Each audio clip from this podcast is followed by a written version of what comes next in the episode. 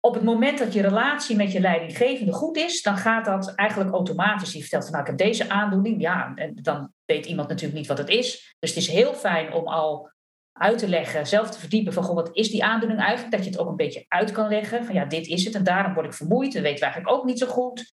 Uh, want je hebt de leidinggevende en ook je collega's nodig om te kunnen experimenteren. Ja, wat gaat nou wel? Wat gaat nou echt niet? En waar kan wel, maar daar heb ik af en wat hulp nodig.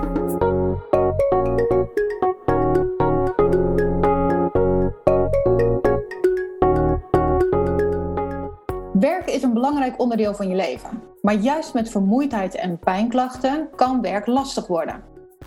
Zeker als je collega's en je werkgever niet aan je zien dat je ziek bent en jij niet goed kunt uitleggen wat er nou precies aan de hand is met jou. Vandaag praat ik met Annemiek de Krom. Zij heeft van haar struggle haar werk gemaakt. Ze geeft voorlichting en advies over plezierig werken met een chronische aandoening. Aan zowel werknemer, werkgever als ook aan patiëntenorganisaties en bedrijfsartsen. Annemiek, welkom. Dankjewel. Op jouw website zie ik staan: Mijn missie is ingewikkelde zaken te vertalen naar heldere informatie, zodat mensen overzicht krijgen en houden. Dat voorkomt stress, miscommunicatie en irritatie. Een heldere statement lijkt me, die ook wel doet verwachten dat jij zelf ook uit ervaring spreekt. Dus wat is jouw verhaal? Hoe ben jij tot deze missie gekomen? Kun je dat vertellen? Uh, ja, zeker. Uh, nou, in de eerste, dankjewel dat ik uh, bij jou in je podcast mag komen. Want ik vind het heel leuk om over werk te vertellen. Er is heel veel over te vertellen. Dus ja, of we alles ter sprake kunnen brengen vandaag, dat zullen we zien. Maar mijn verhaal begint in 1990. En om even te schetsen, ik was, een, ik was toen fysiotherapeut. Ik werkte bij Defensie.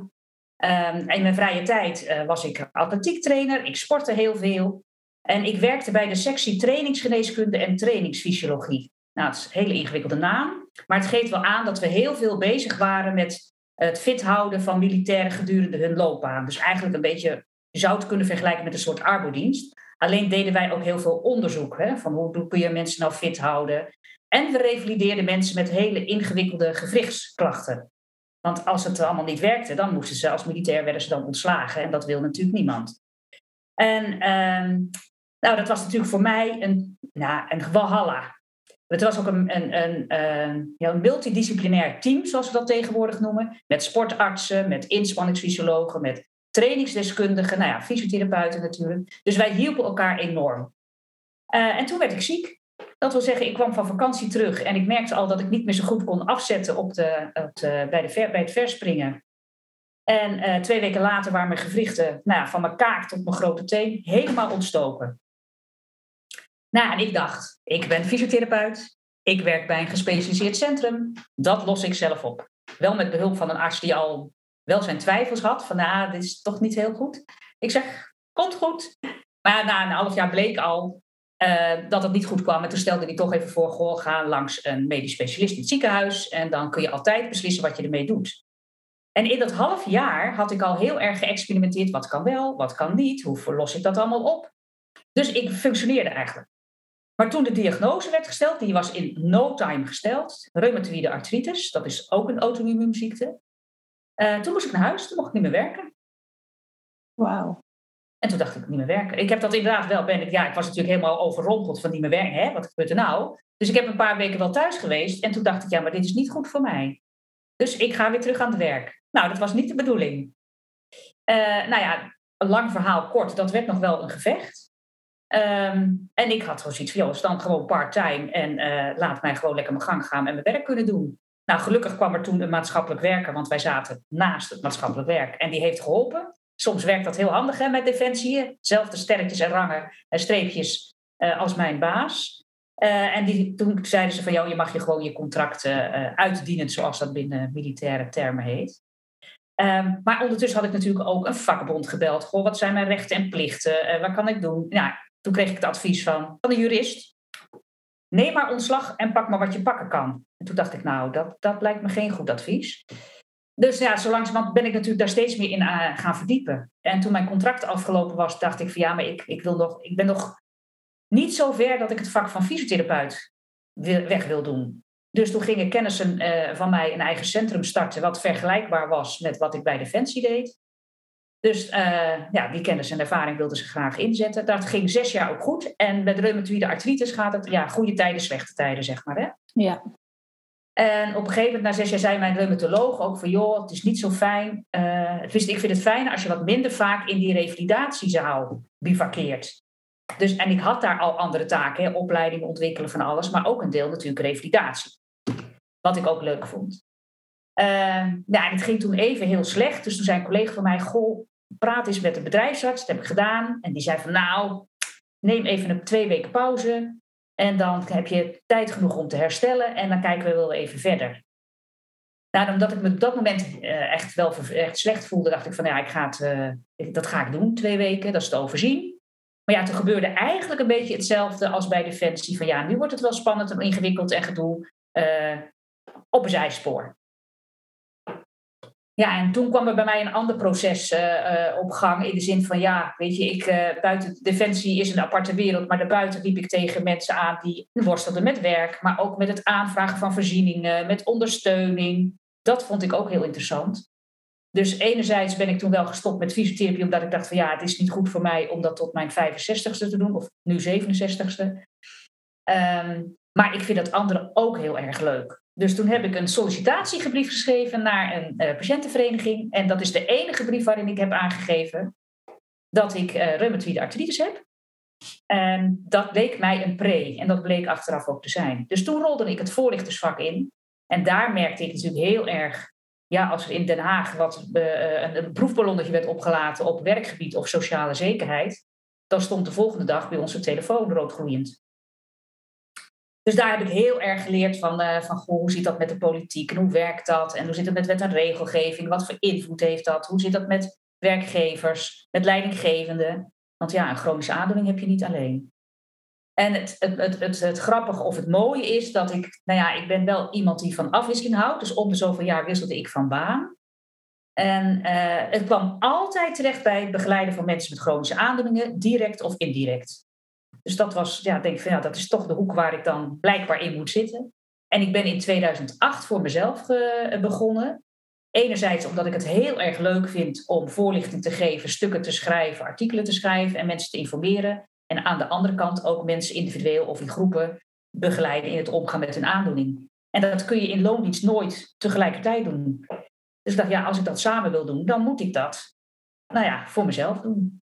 En de enige struggle die mij even tegenhield, was uh, van ja, dan heb ik geen vangnet als ik voor mezelf begin. Hoe gaat dat dan? Nou ja, het was net een tijdelijk contract afgelopen. Ik zat in de gemeenteraad en toen dacht ik, oh, nu gebeurt er eigenlijk waar ik altijd bang voor was. Want ik kreeg een enorme opvlamming. En toen dacht ik, nou ja, als ik maar een aantal dingen in de gaten houd, kan ik prima functioneren. Dus toen was ik heel snel ingeschreven bij de Kamer van Koophandel. Heel mooi. En heel mooi dat je hier met dit ingewikkelde probleem ook heel veel mensen kan helpen nu.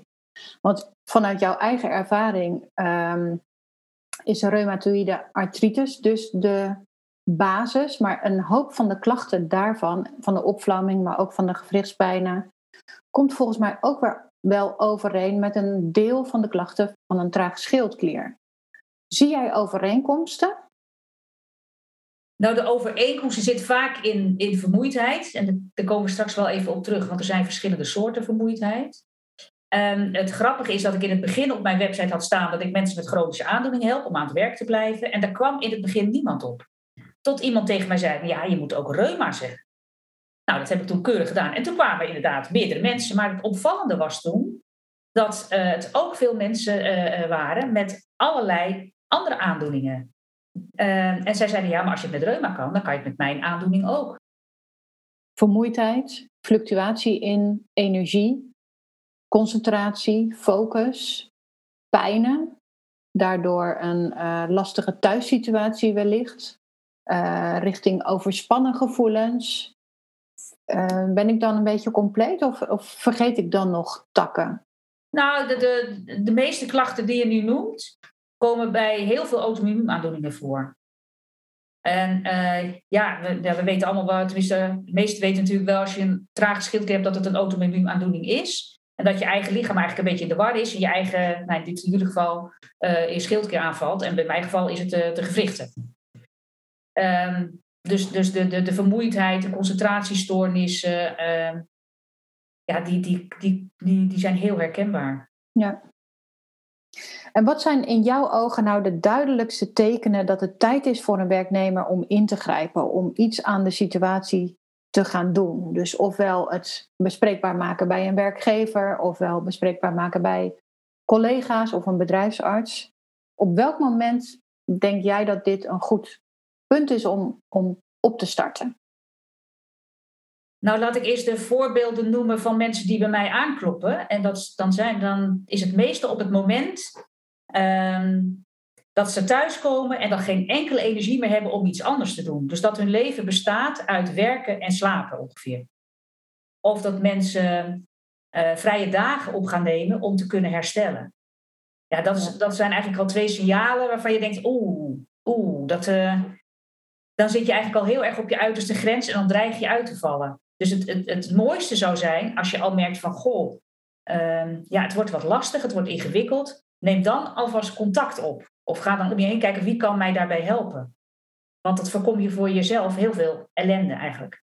Want op het en moment... ik denk dat, dat deze twee voorbeelden die jij nu noemt, vaker voorkomen dan wij met z'n allen doorhebben. En ik denk dat heel veel luisteraars van deze podcast al denken: oeh, ik zit in deze situatie of ik heb hier meerdere keren in gezeten, maar dat ze niet eens door hadden dat dit dus echt wel een kritiek uh, punt is. Ja. Nou, ik, heb, uh, en ik ben, ben uh, echt een voorstander om mensen zoveel mogelijk aan het werk te houden. Ik ben geen voorstander om mensen ziek te laten melden. Dat doen we eigenlijk alleen als het echt niet anders kan. Of zoals een bedrijfsarts wel eens tegen mij zegt: ze heeft nu echt even een time-out nodig.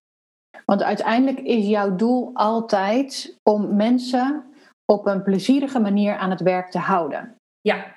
En om dat voor elkaar te krijgen, zag ik ook op jouw website dat je vier succesfactoren benoemt.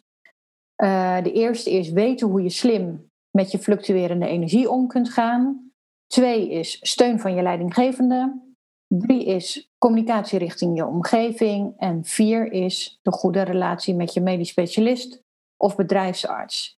En als je dus alle vier die succesfactoren inzet, dan is het in jouw ogen ook mogelijk om op een plezierige en fijne manier aan het werk te blijven.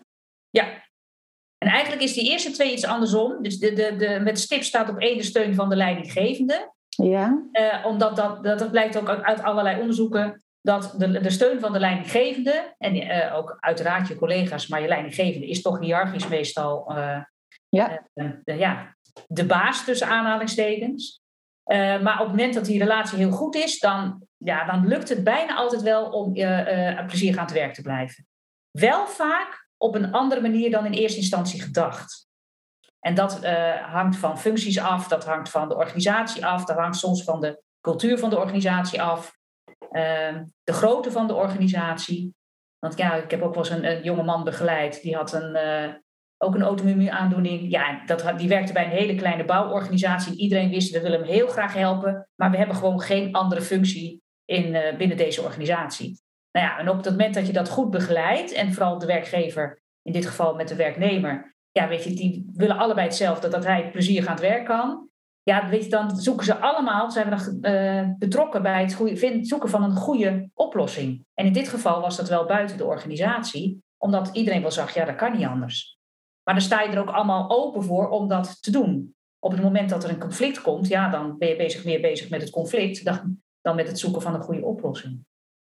Maar als er nu mensen luisteren en denken van, oh ja, ik neem vrije dagen op om het vol te houden, ik moet hier iets mee doen, dan zou dus eigenlijk een eerste stap kunnen zijn om het gesprek met een werkgever aan te gaan. Nog ver voordat er überhaupt conflict situaties dreigen of uh, er moet ander werk uh, gezocht worden en dergelijke.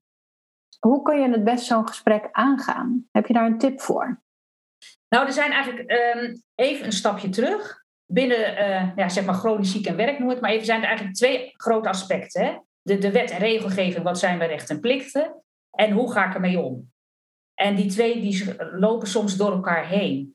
Het maakt ook voor jezelf wel uit, uh, is de diagnose al bekend? Want op het moment dat je al heel veel klachten hebt, of veel klachten, maar eigenlijk weet niemand nog wat er precies aan de hand is, ja, dan zie je al van ja, hmm, hmm, hmm, wat is het nou? Ja, is hij dan die burn-out of, overspannen? Of, nou, er gaat van alles uh, door elkaar. Want op het moment dat je minder uh, goed functioneert of moe bent, dan ziet je omgeving het vaak ook al. Wat er sinds 2017 bijvoorbeeld al mag en geregeld is volgens de wet, is dat iedereen uh, een preventief bezoek bij de bedrijfsarts mag. Weet je, als je denkt van joh, ik wil gewoon even sparren of ja, er is al wel een diagnose gesteld en ik merk wel dat het wat lastig gaat. Ja, wat kan ik alvast doen om te voorkomen dat ik uitval? En dat kan ook bij werkgevers die niet zijn aangesloten bij een CAO of iets, iets dergelijks. Ja, dat elke, geldt voor iedereen. Ja, want elke werkgever moet een contract hebben met een bedrijfsarts. Helder. En de meeste hebben met een arbodienst, maar je hebt ook zelfstandig werkende bedrijfsartsen die dan een heel uh, mensen een netwerk om zich heen hebben. Maar je hebt gewoon recht op een gesprek bij een bedrijfsarts. Goeie tip. Maar dan is het dus wel handig om al een diagnose te hebben. Dus ofwel traag schildklier ofwel ziekte van Hashimoto. Dat is wel handig om die eerst, dus eerst voor jezelf uit te sluiten of uh, waar je klachten vandaan komen. Of is dat ook iets wat je met zo'n bedrijfsarts kunt? Nou ja, een bedrijfsarts is ook, uh, ook een medisch specialist, hè? alleen op het gebied van arbeid en gezondheid. Het, uh, die heeft zich, nou, zeg maar, de basisarts is, uh, de ene wordt uh, internist en de ander wordt bedrijfsarts. Dus het is ook een medisch specialist. Dus hij mag ook doorverwijzen naar andere onderzoeken bijvoorbeeld. Dat is ah, okay. onderschat. maar dat mag hij in principe ook. Maar bij sommige aandoeningen, en ik weet niet hoe dat met Hashimoto is, maar duurt het gewoon een tijd voordat het bekend is wat er nu eigenlijk aan, echt aan de hand is. Ja, dat kan tot zeven jaar duren. Ja. ja, nou ja, dus je zal maar net in die zeven jaar nog aan het, het stoeien en het worstelen zijn. Van ja, weet je, ik ben ontzettend moe. Het lukt me gewoon niet. Ik heb weinig energie. Uh, hoe gaan we dat doen? En ja, de eerste beeldvorming nou ja, bij artsen en bij uh, uh, ja, soms collega's ook, ja, die, die is burn-out. Ja, overspannen. Ja. Dus, dus vaak is het dan ook nog, hoe naar het ook is, een opluchting van, ik ben, zie wel, er is echt wat aan de hand. Het, het gesprek wordt in die zin iets makkelijker, omdat dat medisch objectiveerbaar noemen ze dat dan. Hè? Dat je ja. in je bloed en alles kunt zien dat er echt wat mis is met het lichaam. Dat maakt het, dat maakt het wel wat makkelijker. Van goh, er is echt wat. Maar in principe, qua, maar qua klachten, ja, zit je nog steeds met dezelfde klachten. En dan hoop je ook nog dat je bij de meeste auto-immuunbedoelingen komen er toch medicijnen om de hoek kijken, dat je goed ingesteld raakt op je medicijnen. En soms weten bedrijfsartsen ook niet precies, want ja, sommige aandoeningen komen gewoon uh, niet zo vaak voor. Ja, wat precies de consequenties zijn van die aandoening. Dus dan moeten ze dan eventjes weer goed de studieboek in. Ja, precies. Kijken, ja, en, en het hangt natuurlijk ook heel erg af van de functie uh, die iemand heeft. Het maakt uit of je in de bouw werkt uh, of een beleidsfunctie uh, op kantoor hebt. Ja. Want zo'n bedrijfsarts of arbodienstpersoon, die kan jou in zo'n preventief gesprek adviseren en koppelt die terug naar een werkgever of is dat anoniem? Ik denk nou, dat, dat spreek je af. Kijk, een, een, een, bedrijfsarts is een adviseur. Um, en het is en blijft een adviseur. En in principe is het uh, uh, de werkgelegenheid, zal ik maar zeggen, binnen een organisatie, is iets tussen de werkgever en de medewerker. In dit geval meestal de leidinggevende en de medewerker. Maar op het moment dat uh, ja, iemand bijvoorbeeld het moeilijk vindt om dit ter sprake te brengen bij de leidinggevende, dan kunnen ze wel zeggen van goh, misschien moet er iemand mee? Of kunnen, hoe kunnen we dat doen? Vind je het goed als ik het doe? Dat doe je altijd in overleg. Want een bedrijfsarts heeft natuurlijk ook een medisch beroepsgeheim. Die mag niet zomaar zeggen, hé, hey, die mevrouw heeft Hashimoto en we gaan dit en dit en dit. Dus dat mogen ze eigenlijk niet weten. Op het moment dat je relatie met je leidinggevende goed is, dan gaat dat eigenlijk automatisch. Die vertelt van nou, ik heb deze aandoening. Ja, en dan weet iemand natuurlijk niet wat het is. Dus het is heel fijn om al uit te leggen, zelf te verdiepen van goh, wat is die aandoening eigenlijk? Dat je het ook een beetje uit kan leggen. Van ja, dit is het en daarom word ik vermoeid. Dat weten we eigenlijk ook niet zo goed. Uh, want je hebt de leidinggevende en ook je collega's nodig om te kunnen experimenteren. Ja, wat gaat nou wel? Wat gaat nou echt niet? En waar kan wel, maar daar heb ik en wat hulp nodig. Ja. Dat heb je niet van vandaag op morgen geregeld. Hè? Daar zit een periode tussen waar je, uh, waar je, je eigenlijk moet experimenteren. Dus het belangrijkste wat een leidinggevende kan en in mijn ogen moet doen, is een, is een veilige situatie creëren waar alles bespreekbaar is. Uh, waar echt gewoon alles op tafel kan leggen om echt goede oplossingen voor beide partijen. Want die leidinggevende heeft natuurlijk ook een opdracht. Uh, uh, voor beide partijen te zoeken. En ehm, ja, de leidinggevende heeft ook vaak een signalerende functie. Die heeft vaak al eerder door van, nou, volgens mij gaat het met haar niet zo goed. En regelruimte geven, experimenteerruimte geven. Want je weet in het begin gewoon nog niet wat wel kan en wat niet kan. En dan heb je ook nog eens dat je wisselende energie hebt. Dus vandaag kan ik dat wel en morgen, nou ja, lukt het even helemaal niet. Ja, precies. Met alle variaties ertussen.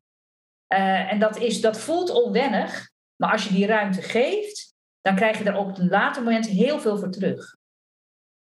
Want eigenlijk hangt dit dus ook samen met het tweede punt van die uh, succesfactoren. Weten hoe je slim met die fluctuerende energie om kunt gaan. Daar zijn dus ook uh, tips of manieren voor hoe je dat zelf kunt signaleren bij jezelf? Uh, nou ja, ik werk met een, uh, met, een, met een speelveld, noem ik dat. En ik heb het een speelveld genoemd, omdat ik dacht, ja, ik wil de zwaarte er ook een beetje van afhalen. Mm En het is een spel wat je in feite de rest van je leven speelt.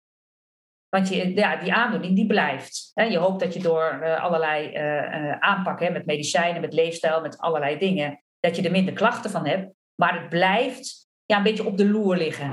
Als een tijd... Ja, je moet alert blijven op signalen en meebewegen met wat er in je lichaam aan de hand is. Ja, en de meeste mensen die bij mij komen, die dreigen uit te vallen of zijn, uit, zijn net uitgevallen. Er zitten in dat eerste jaar. En het voordeel van dat je, daarvan is, is dat je veel kunt experimenteren.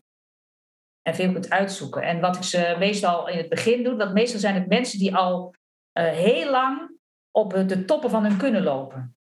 En op, vaak uh, doen ze dat op wilskracht, want dan hebben ze iets van, ja, weet je, ik begaan met mijn, uh, met mijn met mijn werk. Ik vind het ook heel erg leuk om te doen. Dus die doen er echt alles aan uh, om dat vol te kunnen houden. Tot dat lichaam natuurlijk zegt van, ja, weet je, als jij het niet doet, dan doe ik het wel. Precies. En op wilskracht kun je dat best een tijd lang volhouden. En met op adrenaline, want dat is het dan in feite, hè, nou, dan, dan, dan, dan kun je, ja. je put je lichaam natuurlijk aan alle kanten uit. En ik heb daarvoor een speelveld gemaakt. Dat zijn ja, dus eigenlijk op papier twee lijnen. Eentje aan de rechterkant, dat is de uiterste grens. Dus dat is de, wat je op de toppen van je kunnen doet. En aan de linkerkant uh, noem ik het het basisniveau. En dat is het niveau waarop je je het meest fit voelt. Dus de minste klachten hebt. Nou ja, die mensen die bij mij komen, zitten meestal helemaal uiterst rechts. En zeg ik, nou ja, het doel van het spel nu is om zoveel mogelijk aan die linkerkant te komen. Nou ja, dan krijg ik eerst de opmerking, dat lukt niet. Het is elke dag wisselend. Nee hoor, dat gaat helemaal niet. en ik denk, nou, het kan wel. En dan beginnen we gewoon heel rustig. En een van de eerste opdrachten die ze dan krijgen, is alles op ongeveer 70% van je kunnen te doen. Dus met de rem erop. Nou, dat is op het moment dat je heel lang op die uiterste grens hebt en de vol adrenaline, is dat letterlijk afkicken. Dus dat is al heel moeilijk. Of ik geef ze een opdrachtje van uh, sta is gewoon lekker uh, vijf minuten uit het raam. Nou, dat is ook moeilijk, want dan worden ze onrustig. Hè? Dan hebben we in ons hoofd allemaal van die trrrt. Dat gaat dan in hun hoofd. En als ik zeg altijd, ja, weet je, als het, die, die gedachte en die druk het hoofd, dat was er altijd al. Alleen, ja, die krijgt nu de kans, die krijgt nu aandacht om even eruit te springen, zeg maar. Dus als het heftig wordt, dan loop je even een rondje op je tafel, doet. En dan probeer het morgen gewoon nog een keer. Dus zo breng je stapje voor stapje voor stapje, breng je dat naar dat richting basisniveau. En het mooie daarvan is, is dat je uh, eigenlijk alle knelpunten en angsten, onzekerheden die je hebt, die kom je vanzelf tegen. Alleen wel op een manier zoals jij die kunt hanteren en op het moment waarop je ze kunt hanteren. Want het mooie daarvan is, en dat is wel een beetje mijn sportachtergrond, als iemand mij vertelt dat hij nou ja, een bepaalde activiteit heeft gedaan en er heel blij mee is, dan vind ik het hartstikke fijn voor diegene dat hij die activiteit heeft gedaan. Maar ik vraag er gelijk achteraan, en hoe lang heb je erover gedaan om te herstellen? Heel belangrijk, ja. Tot iemand tegen mij zei, nou, drie weken. Waardoor ik toch een beetje zei, mwah, is een beetje lang. en toen moesten we allebei heel erg lachen. Um, en dat is het, nou, als je het over een soort geheim hebt. Het gaat niet over de activiteit die je doet, maar het gaat erover hoe lang je erover doet om te herstellen. En dat bepaalt je belastbaarheid.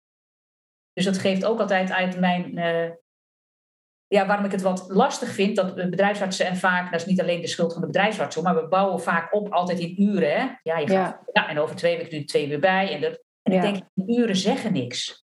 Behalve als je achter de lopende band werkt. Ja, dan is het een ander verhaal. Maar, dat is meetbaar, dat is constant. Ja, maar bij anderen het, zegt dat helemaal niks. Want iedereen, iemand kan vier uur lang uit zijn neus te peuteren, bij wijze van spreken. Dus ik ben, ben heel erg een voorstander van, en alle functies waardoor het kan, uh, doe het in taken. Ja. Geef iemand een taak. geef aan wat de deadline is en laat iemand zelf uitzoeken hoe die die deadline haalt. En het voordeel daarvan is dat die, diegene veel meer kan. Oh, als ik het zo doe, lukt het wel. Nee, zo lukt het niet. Oh, dit, nu gaat het toch een beetje stressen, want die deadline was toch iets te goed. Dan heb ik misschien in mijn eigen planning iets verkeerd gedaan. En zo, dan is het ook veel makkelijker om met collega's en te overleggen van ja, waar het dan misging of wat er handiger kan.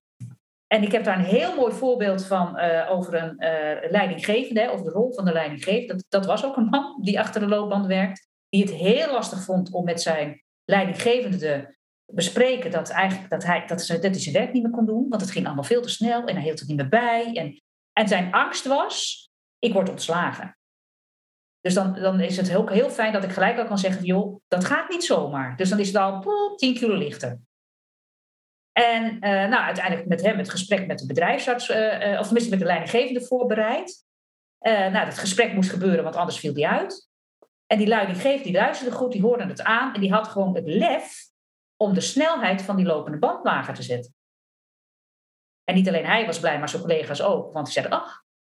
En het mooie was dat drie maanden later bleek dat de omzet ook nog eens omhoog ging. Wauw, ja. En dat bleek, wat er achterna, toen zijn ze natuurlijk gaan analyseren van hoe kan dat, want hoe leuk is dat nu eigenlijk? En toen bleek ze gewoon veel minder fouten te maken. Dus ah, dat is ook gelijk de reden van waar ik de opdracht van ga op 70% van je kunnen werken. Dat wil niet zeggen dat de kwaliteit van het werk slechter wordt. Sterker nog, vaak niet. veel beter. Want je bent veel beter gefocust. Je veel beter. Dus, en dat, dan, dat, geeft weer aan hoe belangrijk die rol van de leidinggevende is. En de wil om mee te denken van de leidinggevende. Want als die star vasthoudt in uren opbouwen, wat ik toch eigenlijk wel bij heel veel mensen hoor dat ze huilend aan de telefoon hangen van ik moet volgende week alweer twee uur erbij en ik hou het nu al niet vol. Ehm, ik denk dat daar inderdaad wel een van de succesfactoren ligt inderdaad. Uh, dat daar nog meer mogelijkheden zijn dan opbouwen in uren. Ja. Maar opbouwen in taken en herstelmomenten. Ja, wat, zei, wat ik, de, ik leg het nu heel snel uit. Hè. Met mensen ben ik daar mhm. sowieso een tijdje mee bezig om dat voor iedereen dat, dat speelveld in kaart te brengen. En vervolgens kijken, iedereen krijgt dan ook een persoonlijk herstelplan. Hè, van wat werkt bij mij nou wel goed en wat werkt bij mij minder goed. Uh, uh, wat, mensen, wat vaak een eye-opener voor mensen is, dat je dus verschillende soorten vermoeidheid hebt. Hè, je hebt de, de, de, bekendste is wel de lichamelijke vermoeidheid, die kennen we allemaal wel. Uh, de mentale vermoeidheid, concentratiestoornissen, ze noemen dat de brain fog, een beetje mist in je hoofd. Ja, ja zo'n zo'n zo'n Zoom-sessie, dat is enorm belasting voor je hersenen. Dus dan is het onhandig als, ik zo meteen, als we zo meteen klaar zijn met het gesprek, dan ga ik een rondje uh, op mijn huid, dan ga ik in ieder geval iets lichamelijks doen. Hè? Of mijn balkon even vegen, ik noem maar even wat. Uh, want dan is het onhandig om dan met een tablet een spelletje te doen. Want dan herstel je helemaal niet. Nee, je geeft nog eens een extra belasting op je hersenen. En zo brengen we dat langzaam in kaart. En dan merk je ook met dat invullen van het speelveld van richting dat basisniveau, hè, het meeste, waar je de minste klachten hebt, dan merk je ook van goh, wat je dan kan doen om daar te komen. En dan merk je ook dat je onderweg nog wel eens andere soorten vermoeidheid tegen kunt komen. Want dat gebeurt natuurlijk soms ook wel eens, hè? Dat je bezig bent en op een gegeven moment erachter komt na x tijd. Hmm, misschien is deze functie niet eens zo passend voor mij. Er gaan ook andere processen op wat, wat, wat is belangrijk in mijn leven. Die komen dan automatisch langs, hoef je niet zoveel te doen, maar dat gebeurt automatisch dan. Als je met dat invullen invullen van het speelveld bezig bent, steeds dichter bij dat basisniveau komt. Dus je lichaam en je geest en je hele welzijn neemt toe. En je komt tot rust en je denkt van ja, waar, waar, waar zit ik nu eigenlijk? Ja, want je gaat eigenlijk van een soort fight-flight overlevingsstand ga je terug naar een rust- en verteerstand, waarin jouw lichaam gewoon weer gaat functioneren en jij weer zin en energie krijgt in de leuke dingen des levens. Want die worden ook natuurlijk een beetje afgeremd als jij en jouw lichaam in die fight-flight stand staat. Ja. Die depressieve gevoelens of sombere gevoelens, die zijn niet voor niks. Die houden jou veilig op de bank, zodat je niet nog meer energie uitgeeft. Ja. Dus fysiologisch en mentale gevolgen of klachten, die zijn verweven. En als jij inderdaad tot rust komt, dan is er ook weer energie om keuzes überhaupt te kunnen maken die je nu wellicht helemaal niet ziet, omdat je vol in de overleving staat. Ja, exact. Mooie ontdekkingen. Mooi ja, en daarom mensen... doe ik het in de vorm van een speelveld. Ja. Ik denk dan is het, want eh, weet je, acceptatie, dat is ook zo'n woord waar eh, ik krijg er altijd een beetje jeuk van. Ja, zeker. Dus ik gebruik, ik gebruik het ook nooit. Maar op het moment dat je met dat speelveld bezig gaat en richting dat basisniveau, dan komt er vanzelf aan van ja, ik kan wel blijven vechten, maar dan, uh, dan verlies ik energie die ik nergens anders voor kan gebruiken. Ja. En met, met, met de, de, nog eventjes om terugkomen op leidinggevende. Kijk, het is hartstikke fijn als je een goede relatie met je leidinggevende hebt en dat die meedenkt. En de meesten doen dat ook. En leidinggevenden die niet meedenken, daar is meestal al wat. Dus of de relatie al niet goed, of uh, er is wat met die persoon zelf aan de hand, die al misschien aan, zelf aan het overleven is. Maar dat heb, je hebt dus niet altijd een goede relatie zelf in de hand. Dat speelveld invullen en met jezelf aan de gang gaan van hoe ga ik ermee om, heb je wel in de hand. En dan is het vaak fijn als je er wat hulp bij hebt.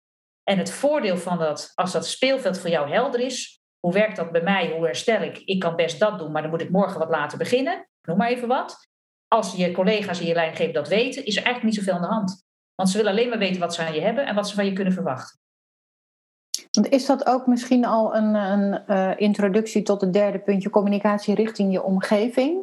Dat is een mooi bruggetje, ja. Want op het moment dat je voor jezelf dat weet, dat speelveld, ik, uh, uh, en weet hoe het voor jezelf werkt, dan is het ook veel makkelijker uitleggen aan iemand anders. Want je kunt het je, je collega's en je leidinggeving niet kwalijk nemen dat ze het niet begrijpen. Want zij kunnen zich niet voorstellen hoe die, hoe die slopende vermoeidheid is die niet na een nachtrust verdwijnt. Waarmee jou opstaat en denkt van, oh, dit wordt hem niet vandaag. En waarin je volgende week weer helemaal gezellig aanwezig kan zijn. En de week daarop weer uh, het dode vogeltje in de hoek bent. Nou ja, en het mooie daarvan is wel, die heb ik, dat was voor mijzelf een eye-opener. Uh, toen was ik begonnen, was ik al een tijdje bezig als zelfstandige, geen vangnet en zo. En dan kreeg ik ook, kreeg ik ook weer zo'n enorme opvlamming. En um, ja, toen dacht ik, oeh, was wel een in het begin natuurlijk van, oh, help. En toen dacht ik van ja, maar er moeten wel een paar dingen gewoon gebeuren. En wat ik bij mijzelf merkte, was ik heel snel keuzes kon maken. Dat wel, dat niet. Zo gefocust was dat mijn omzet in die periode hoger was dan de rest van het jaar. Dus, dat, dus dat, dat, was iets, oh, dat is eigenlijk, later dacht ik van, dat moet ik eigenlijk onthouden, hoe ik gewerkt heb. Want het blijkt dus dat je, als je echt gefocust bent, eigenlijk prima dingen kunt doen. En voor de rest van de dag deed ik, ja, dan was ik bezig met uitrusten, herstel, nou ja, wat, eh, wat er allemaal gebeuren kan. Om te, om te zorgen dat ik die deadlines wel haalde. Want ja, dat is natuurlijk wel nodig als je als zelfstandige werkt. En dat onderschrijft ook weer jouw eerdere voorbeeld, dat je beter kan opbouwen in taken en deadlines dan in uren bijvoorbeeld. Want als je je commit aan bepaalde output of bepaalde taken of bepaalde deadlines, dan kun je ook beter de keuze maken, dit wel, dat niet. Ja. Dit nu, dat later. Ja. Het wordt wat overzichtelijker misschien ook. Waardoor jouw collega's ook weten, oké, zij doet dat, punt. Zij regelt dat, dat komt goed. En zij kunnen dat dan ook loslaten. Ja. Het is dan wel belangrijk dat je dat met je collega's, dat ze het weten. Want ik heb ook één keer maar meegemaakt dat een collega's dat niet wist. En dat de leidinggevende het perfect volgens het boekje deed. Die persoon was nog voor corona. Uh, die, die mocht ook thuis werken, kwam dan één keer per dag op kantoor om dingen te overleggen. Het was perfect. Alleen waren de collega's niet bijgepraat. Ai. Dus er werd werk dubbel gedaan. Dus die collega's liepen al van ja, balen dat ze dan niet is, want we moeten het allemaal opvangen. Dat was helemaal niet zo, want ze deed het al, alleen thuis. Alleen niemand wist het. Ah, ja, ja, ja. Dus toen was het vrij snel weer opgelost. En dat was, ja, er had dus heel veel stress gekomen, uh, voorkomen kunnen worden. Aan de andere kant was het ook goed om te laten zien van hoe belangrijk het is dat je A, contact houdt, ook al werk je op andere plekken. Nou, dat hebben we nu met corona allemaal wel uh, geleerd voor een groot deel. Maar ook dat je echt aangeeft, maar dat neem ik voor mijn rekening. En daar kun je bouwen en dat is over twee weken klaar, ik noem maar. En hoe diegene dat doet, laat dat aan die Als die, ik had het met een, een leerkracht gehad op een lagere school die wel lessen kon geven. Maar na de lessen was ze echt heel erg moe. En dan, moest ze, dan zei ze, ik wil naar huis om even te rusten. En dan doe ik de administratie s'avonds wel. En uh, uh, nou ja, het was, bij de ene school was het een probleem en bij de andere school helemaal niet. Dus, dat is dus uh, je, dus er zijn heel veel wegen die naar Rome leiden, maar zoek wel met z'n allen naar een oplossing. Ja. En er is echt veel meer mogelijk dan je zelf denkt. Ja, wellicht heeft de hele coronaperiode van thuiswerken ook wel deuren geopend naar meer flexibiliteit in indelen van je uren en indelen van je dagen en je weken. Wie weet is dit ook het moment om uh, dingen bespreekbaar te maken. Dat nu gaat de wereld weer terug naar normaal, zoals het er nu uitziet. En mensen gaan weer meer naar het werk. Ehm, mensen gaan daar misschien ook tegenop zien, omdat er weer lange acht uur durende dagen aankomen op locatie met prikkels van collega's, met nou ja, prikkels van uh, telefoons in grote kantoorruimtes, hoe noem je dat? Kantoortuinen. Ja, ja, ja die, die de hel. gaan weer terug, hè? Huh? Kantoortuinen zijn weer een beetje achterhaald, gelukkig. Ja, gelukkig wel. Wat een uh, drama is dat. Ja. Maar dus wie weet is dit ook wel het moment om toch aan te kloppen bij een HR voor een preventief gesprek met een bedrijfsarts of met een leidinggevende wat er mogelijk is in. Ja, en als je niet wil uh, aan wil kloppen bij HR, hè, want sommige uh, organisaties hebben niet eens een HR-afdeling, de personeelszaken, want sommige organisaties zijn gewoon uh, te klein. Jullie hebben altijd wel een soort handboek, personeelshandboek. En als het goed is, staat dat daar ook in. Dus als je het een beetje spannend vindt om gelijk bij de HR af te kloppen, dan weet je dat er wat is kun je ook even kijken voor dat personeelshandboek. Daar moet, daar moet in staan hoe dat geregeld is om een preventief gesprek uh, aan te vragen. Ja. En dan hebben we dus ook nog de relatie met je medisch specialist en bedrijfsarts als vierde succesfactor. Ja. Bedoel jij dan met de medisch specialist mm, gewoon de arts die jou, of de huisarts of de, de medisch specialist in het ziekenhuis die, jij, die jou begeleidt met je aandoening? Ja, want wat er vaak, uh, of tenminste vaak, ja, toch redelijk vaak gebeurt, is dat mensen dan bij een, uh, in ziekenhuis komen en dan verwachten dat uh, dus de, ja, de internist of de endocrinoloog, of in ons in mijn geval de reumatoloog, zeggen van je mag wel of niet werken. daar mag een, zo'n medisch specialist in het ziekenhuis mag dat niet zeggen. Die mag zich daar niet eens mee bemoeien, officieel. Wat hij wel kan doen, en dat zien we gelukkig binnen de oncologie, mensen met kanker en de reumatologie wel meer gebeuren, is dat uh, werk wel onderdeel wordt van het behandelplan. Dus dat er aandacht is voor het werk. En, en dat is namelijk belangrijk, want het kan invloed hebben op bijvoorbeeld uh, uh, de dosering van je medicijnen. Als er heel veel stress op het werk is, om welke reden dan ook, ja, dan gaat je aandoening, die gaat dan opvlammen, die gaat protesteren. Ja, dan kun je wel een extra pilletje erin voor, voor voorschrijven, maar het is veel handig om te kijken van, goh, misschien moet je eens met je bedrijfsarts overleggen of met iemand anders overleggen uh, om dat probleem op het werk op te lossen. Dus ze kunnen wel ver, uh, zeg maar verwijzen naar goede hulp op de werkvloer. En het verschil met een bedrijfsarts is, een bedrijfsarts is ook een medisch specialist. Die is, hè, die is op het gebied van arbeid en gezondheid. En die is de expert op het gebied van hoe kun je nou je gezondheidsklachten met je werk combineren.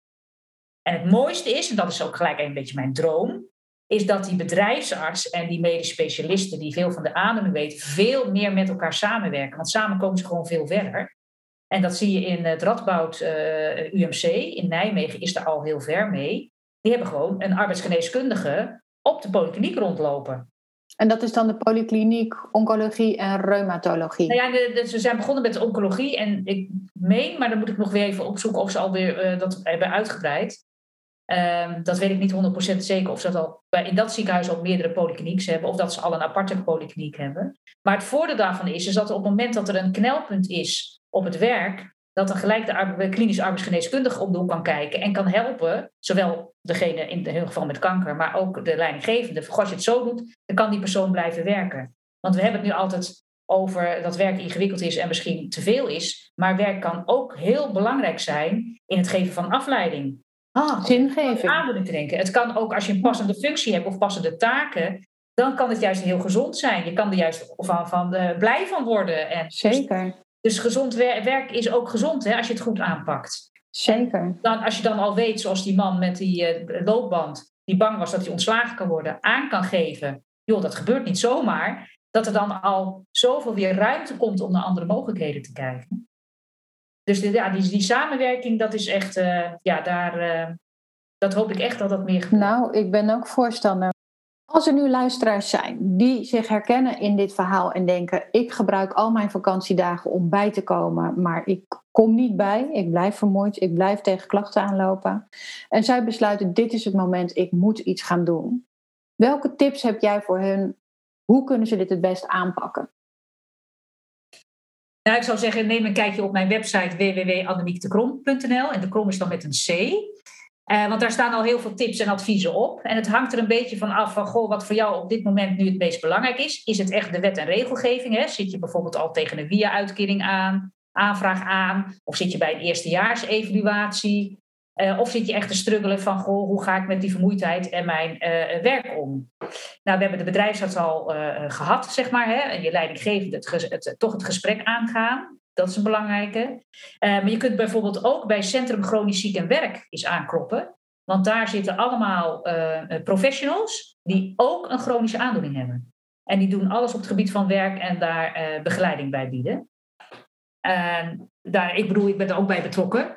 Of tenminste een van de coaches daar. Maar er zijn er dus veel meer. Hè? Want ja, coachen is natuurlijk wel zo. Dat moet ook wel een beetje klikken. Dus ik zeg altijd van uh, coaches trekken hun eigen doelgroep aan, noem ik het zo maar even. En bij Fit for Work Nederland, en dat is ook gelijk voor leidinggevende leuk. Fit for Work Nederland, dat is een platform van allerlei experts op het gebied van arbeid en gezondheid. En die hebben een heleboel uh, tools en handvatten ook gegeven, zowel voor leidinggevenden, voor mensen met chronische adem zelf, voor zelfstandigen zelfs ook, en voor zorgprofessionals, hoe zij dat allemaal uh, kunnen begeleiden. Wat is de, de website daarvan? fitforworknederland.nl Oké, dank. Ja, en als je uitgevallen bent, dan komt de wetverbetering Poortwachter om de hoek uh, kijken. En dat is eigenlijk een wet die de rechten en plichten regelt van uh, reïntegratie. En die wet is in één zin, of eigenlijk twee zinnen samen te vatten, zowel jij als je leidinggevende moeten er alles aan doen om jou weer zo snel mogelijk en zo gezond mogelijk aan het werk te krijgen. En daar hangen een aantal data aan vast. Uh, en belangrijke data, wanneer iets geregeld moet zijn. En als je naar de website van het UWV gaat, een UWV-stappenplan kijkt, dan vul je daar de datum in van je eerste ziektemeldingsdag. En dan komen er allemaal data uitrollen die voor jou belangrijk zijn. Dus dat is gewoon handig als hulpmiddel. Want mocht er uiteindelijk toch nog na twee jaar een via-aanvraag, een arbeidsongeschiktheidsaanvraag nodig zijn, dan zijn die data uh, belangrijk. Die mijlpalen zijn dan belangrijk om te weten. En als laatste tip zou ik zeggen, uh, blijf er niet te lang mee rondlopen. Hè? Kijk op de website van Vera of op mijn website. Want sommige vragen zijn uh, eenvoudig op te lossen of is een redelijk eenvoudig antwoord te geven. En dan kun je gewoon weer verder. Annemiek, ik wil je hartelijk bedanken voor dit uh, fijne gesprek vandaag. Met bijzonder veel waardevolle informatie voor de luisteraar van de podcast. Veel dank daarvoor. Nou, heel graag gedaan. Ik vond het erg leuk om te doen. Dus als er vragen zijn, uh, laat ze maar komen. Precies. Als je naar aanleiding van deze podcast nog vragen hebt over dit onderwerp, of aan mij of aan Annemiek, Stuur me dan even een mailtje uh, via vera.hashimoto.nl en dan neem ik contact op met Annemiek en kunnen we kijken of we nog een podcast opnemen of een blog erover schrijven of op een andere manier jullie op de hoogte stellen van alle vragen die zijn gesteld. Er rest mij eigenlijk niets anders dan af te sluiten met de volgende boodschap. Werken met een chronische aandoening zoals Hashimoto kan. Er is meer mogelijk dan je denkt. Dank voor het luisteren en tot de volgende aflevering.